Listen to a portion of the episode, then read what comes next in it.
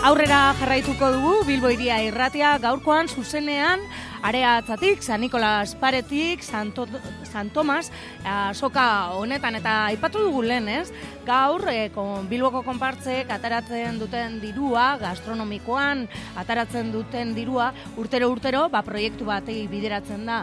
Eta aurten, le, eh, labore bilbori e, bueno, ba, emango diote bertan jasotako dirua. Eta aitzaki hartun da, ba, labore bilbo ezagutzeko asmoa dugu datozen minutuetan, eta horretarako ba, izaskun daukagu gurekin hemen, bertatik bertara egunon izaskun. Bueno, bai. bueno, egin zen dituzten jardunaldi batzuk zer jan e, bai ez, e, duela nola erosi, nola bai. erosi pizka laboreren lehenengo aurkezpena Bilbon, e, baina lehenik eta behin, ez da, e, definitu aldugun labore Bilbo zer izango den. Hola, elikadurarekin zer dauka eta tokian tokiko e, produkzioarekin, konta iguzu. Vale, bueno, ba, labore Bilbo, orain momentu honetan proiektuan ari gara, e, fizikoki ez da existitzen, baina bai ideia, taldea eta bueno, lanean ari gara ideia hori lortzeko asmotan.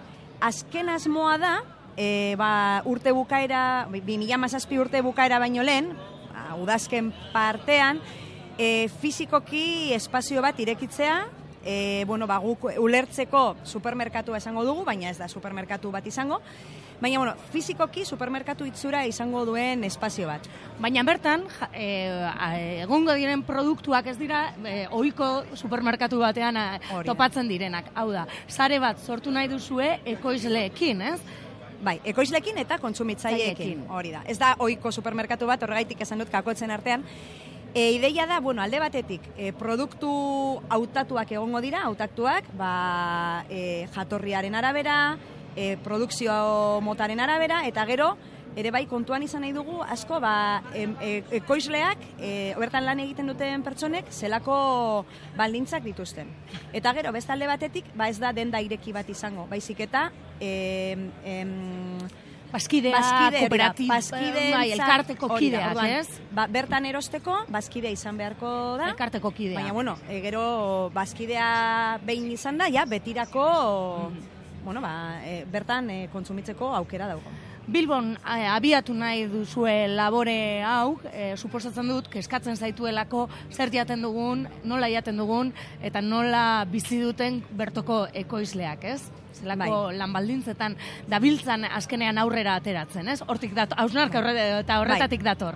eta hortik dator, eta badago Euskal Herrian beste proiektu bat, ba, e, Iruñan, e, landare ditzen dana, eta bueno, ba, ideia hori kopiatu nahian, edo bueno, ideia horretatik abiatuta, kopiatuta eta hobetuta, mhm. hori da nahi duguna, bueno, Bilbora estrapolatu, ez? Mm -hmm. bueno, bai, eta bai, azken aldian, azken urteetan, ba, bueno, keskandia ba, dago elikadurarekin eta batez ere e, nondik datozen e, jaten ditugun produktuekin, ez? Eta bai. horrek ere ba, keska sortu du, ez bakarrik e, Bilbon, esango nuke Euskal Herri osoan, ez? Eta bai. batez ere ere gure baserritarren e, e, lanbaldintzak eta egoerak, ez? Bai, bai, eta ez ere duela pare bat hilabete antolatu genituen jaurdunaldietan, ba, jo, ba, parte hartze oso handia egon zan, eta bueno, ba hori ikusi izan genuen ere, ba gai hau nahiko pilpilean dagoela, ez? Eta jendeak interesak daukala.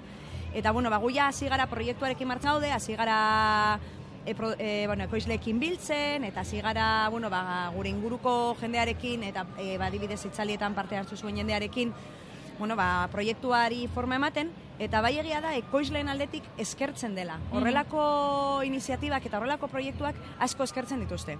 Mm Suposatzen dut zarea egin nahiko duzuela, ez? Ekoizleekin ere, dena ez talako agian bizkaian ekoizten, agian beste produkturen bat ba, araban dago, eta, mm. bueno, ez?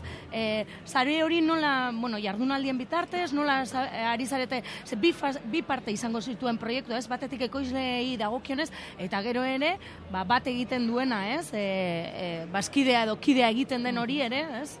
Bai, bueno, e, ez da erresa, mm azkenean, bueno, ba, gure asmoa da lehenik eta behin gertuko ekoizlekin lan mm. egitea eta gero ba, gertuko produktuak e, e, e, ez daudenak gertu, gertuan bai hau pizkatzu bat urrunago joatea, ez? Mm. Orduan, bueno, ba, sarea egitea, bueno, ba, lan handia da, azkenean ahosa okoarekin lan egin behar da, ba, ekoizlek badituzte euren elkarteak ere. Mhm. Bai, Eta, bueno, sindikatuak eta bar, eta gero ere, e, bueno, ez dezagun ahaztu, ze urrenik entzulen bat, baino gehiago, ba, otxara hartzen du, otxara antolatuak daude, Bai. e, Bilbon ere, mm, toki ezberdinetan, ez?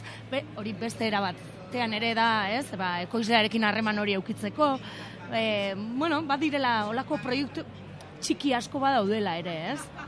Bai, bai, egia da, e, askotan planteatu digutela, ez? Baina, bueno, Bilbon badaude kontsumitzaile elkarteak, bai, bai. Eta ba, Ba, badaude, eta, eta bueno, eta gainera, eta- gure asmoa da, kontsumiltza, bueno, eta bagabiltza gainera, kontsumitzaile talde hauekin elkarlanean. Mhm. Ze, azkenean gure proiektua ez da beste batzuen e, aurrez aurre jartzea, baizik eta elkarlanean aritzea, gure helburua, helburua berdina dela, orduan, bueno, ba, bidea elkarrekin egin dezagun. E, aipatu dut duela pare bat hilabete edo hiru egin zenituztela jardunaldiak, hau abian jarri duzuela, 2017 urte atarian gaude, eta zuen asmoa, e, urte honetan, ba, e, proiektua definitzen joatea da, eta azkenean ja gauzatzeko urte bukaerarako edo gutxi gora bera. Bueno, espero dugu urte bukaera baino lehen. Eh, Urtarrilean, urtarrilerako espero dugu ja murgumendu garrantzitsuak, ba, a- a- pausu garrantzitsuak ematea, eta hasiko gara bazkidetza kanpaina bat egiten otzaietik aurrera. E, galdera, e, entzuleren bat e, ba, gogoa izango balu, zerbait gehiago jakiteko laboreren inguruan edo, bueno, zerbaitik ez, ba, bertan parte hartzeko, zer egin beharko du? Bueno, ba, e, gaur egun daukagun komunikabide, komunikazio bide bakarra gemaila da. Daukagu laborebilbo.gmail.comen Baina laizter eukiko dugu webgune bat. Mm. No, bueno, ba, hori gongo den, ba, informazioa jasotzeko datu, bakoitzak bere datuak uz dezan, labore bilbo ere, izango da. Eta, bueno, Ze ideia honetatik Euskal Herrian badaude olako proiektu gehiago. Izan ere, e, ba, bilatzailean jarrita labore bakarrik ba, oi hartzuneko edo beste Bai. labore bat ateratzen da. Beraz, landar, iruñako landare horretatik abiatuta bestelako proiektuak e, sortu izan dira, tokian tokiari ba, ez, e, forma emanez, ez, e, sortu dira bestelako proiektuak Euskal Herriko beste txoko batzuetan, ez? bai, bai, bai, eta, bueno, eta imaginatzen dugu beste maila batzuetan ere sortzen jarraituko dutela. Igual Bilbo mailan ari gara proiektu erraldoi baten pentsatzen, ba, Bilbo azkenean hirigune oso handi badelako, eta, bueno, ba, bota dugu gure burua aurrera, eta, bueno, ba, honekin e, azten garen momentuan, bazkidetza kanpaina azten dugu momentuan, ba, lortu beharko genituzke, bosteun bazkide, e, denda martxan jarri Martxan jartzeko. Mhm. Orduan, hori da gure apustua lehenengo trimestrerako da bosteun bazkide horiek lortzea. Mhm.